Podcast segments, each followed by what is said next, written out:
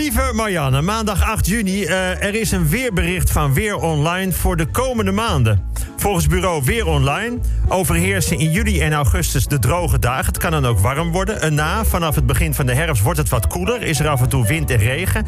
In de winter zakt de temperatuur nog een beetje. Kan het af en toe zelfs vriezen. Maar vanaf maart of april volgend jaar lopen de temperaturen weer op. Het is toch handig om zo'n bureau te hebben. De basisscholen gaan weer helemaal open. Maar mag een hoestend kind nu wel of niet naar school? Hoesten kan namelijk duiden op corona. Maar ook op een gewone verkoudheid. Of op astma of op hooikoorts. En aan de andere kant, als je als kind geen zin hebt om naar school te gaan hoef je geen smoesen meer te bedenken. Je kunt gewoon een beetje hoesten en hoepla. En het helpt iedereen. Kijk, als je wordt uitgenodigd voor iets waar je eigenlijk heen moet... maar je hebt helemaal geen zin, dan moet je zeggen... oh, wat fijn dat je aan me, dat je aan me denkt. Wat leuk. Hoe laat zal ik er zijn? Wat? Beter niet komen, nee. Oké, over twee weken weer een kans. Nou, ik denk niet dat het dan weg is. Ik sla een jaartje over. Kijk, het is de oplossing. De ochtend na een one-night stand. Ja, was leuk vannacht. Blijf je nog even ontbijten? Oké, dag. Ja, ik ga graag mee naar je moeder. maar ik weet niet of het slim is.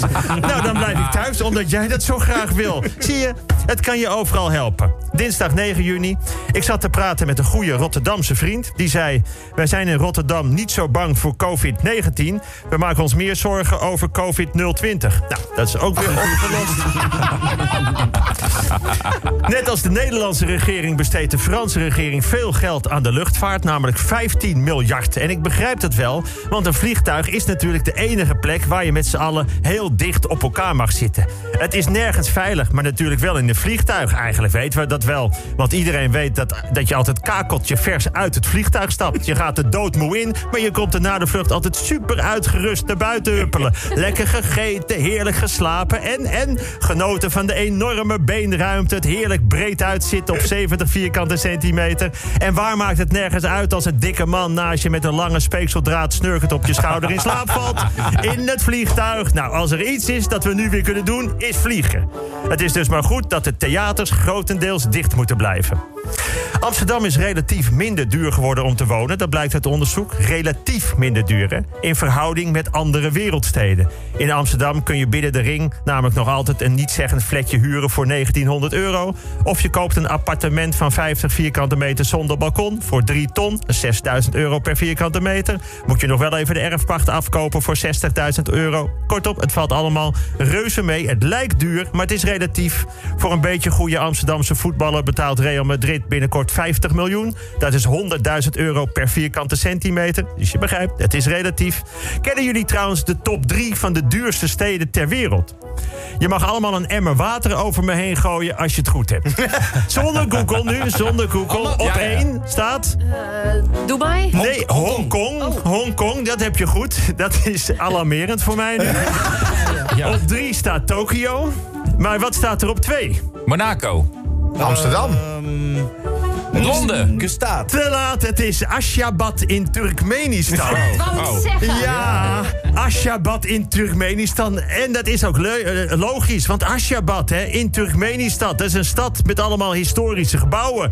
Zoals, eh, nou ja, noem ze allemaal maar op. En, eh, en eh, Ashgabat met heerlijke restaurants en lokale gerechten. Zoals, eh, ja, echt lekkernijen. En ze hebben dus straten en huizen en allemaal vrouwen... die vaak tussen de 1,50 meter en 1,85 meter... Nou ja, goed. Het is een fantastische stad. Verschrikkelijk duur.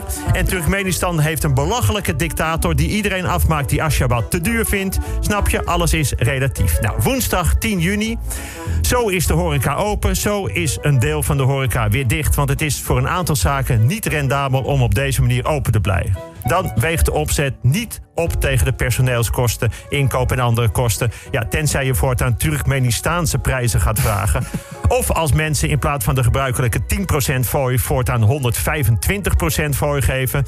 Dat je bijvoorbeeld een kop koffie en een muffin betaalt met 20 euro en zegt laat de rest maar zitten. Als je dat trouwens op Schiphol zegt, dan zeggen ze nou, dan komen we nog wel 7,50 euro tekort. Een dorp in Nieuw-Zeeland is overspoeld met wilde kippen. Een lokale boer besloot tien jaar geleden twee van zijn kippen vrij te laten. Die dieren, die dieren verwilderden, kwamen andere wilde vogels tegen en wisten zich met die andere vogels in hoog tempo voort te planten, vooral tijdens de lockdown. Ze hebben zich in allerlei vogels voortgeplant. Ken je de kiwi? De nationale vogel van Nieuw-Zeeland. Die hebben vrijwel dagelijks echt een enorme chicken gangbang gehad. Of neem de albatros, vleugelspanwijdte 3 meter, echt een partij paren bij de wilde kippen af. Heb je dus nu kippen met vleugels van anderhalve meter. De Mac Albatros is in Nieuw-Zeeland niet aan te slepen. Maar is ook goed, als je bij een portie kippenvleugels zit... dan heb je wel gelijk de juiste afstand. Nou, donderdag 11 juni. Duizenden vrouwen in Turkije hebben afgelopen week... omgekeerd seksistische opmerkingen over mannen op Twitter gezet. Omgekeerd bedoel ik dat ze zinnen gebruiken... die mannen juist over vrouwen zeggen. Zeer herkenbaar zinnen als... ja, logisch dat hij werd lastiggevallen. Hij droeg een korte broek. Of, nou, dan moet hij eerst maar leren autorijden. Het is allemaal als protest tegen discriminatie en ongelijkheid. Goeie actie.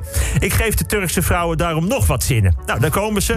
Dan denkt hij dat het is opgelost, maar dan begint hij er iedere keer weer over te zeiken. Of hij gaat steeds meer op zijn moeder lijken. Of hij koopt een paar nieuwe, maar hij heeft al 26 paar laarzen. Of hij wil de hele tijd mijn telefoon controleren. Of hé, hey, lekkere man, kijk eens wat vrolijker. Nou, allemaal zinnen. Ik steun de actie van de Turkse vrouwen, maar waar het nu deze tijd natuurlijk vooral om gaat, is om Black Lives Matter. Maak zinnen van omgekeerd racisme. Om te verhelderen zinnen als... ja, wij houden u aan omdat u een veel te dure auto heeft voor een witte man. Of ja, bij de naam Henk de Wit hebben we de sollicitatiebrief al opzij geschoven. Snap je? Stuur ze in en dan lees ik ze volgende week voor. Ten slotte, vrijdag 12 juni. Overal worden beelden van personen met een dubieus verleden... omvergetrokken en gesloopt. En ik snap de woede, de woede en de zo lang gevoelde onmacht beter om de beelden ergens op te slaan als historisch studiemateriaal. Maar goed, Black Lives Matter. En daar moeten we nu inderdaad allemaal door ons worden doorgepakt. Maar niet door alles door elkaar te halen. Want kijk, nu heeft de BBC een aflevering van Faulty Towers offline gehaald. En niet zomaar een aflevering. De aflevering van Don't Mention the Germans. Met de legendarische John Cleese die alle klassieke Duitse oorlogsgebaren en loopjes probeert te onderdrukken gaat nu offline, terwijl hij op hilarische manier uitlegt waar het probleem zit. Zo zien onderdrukte beledigingen eruit. Dit is waarom het pijnlijk is. Mensen, humor mag nog altijd. Laten we elkaar in de gaten houden. Zeggen ik zie je, ik hoor je, ik voel met je mee. Hé, hey, maar laten we niet alles op één hoop gooien. Kijken die aflevering. Hij is werkelijk geweldig.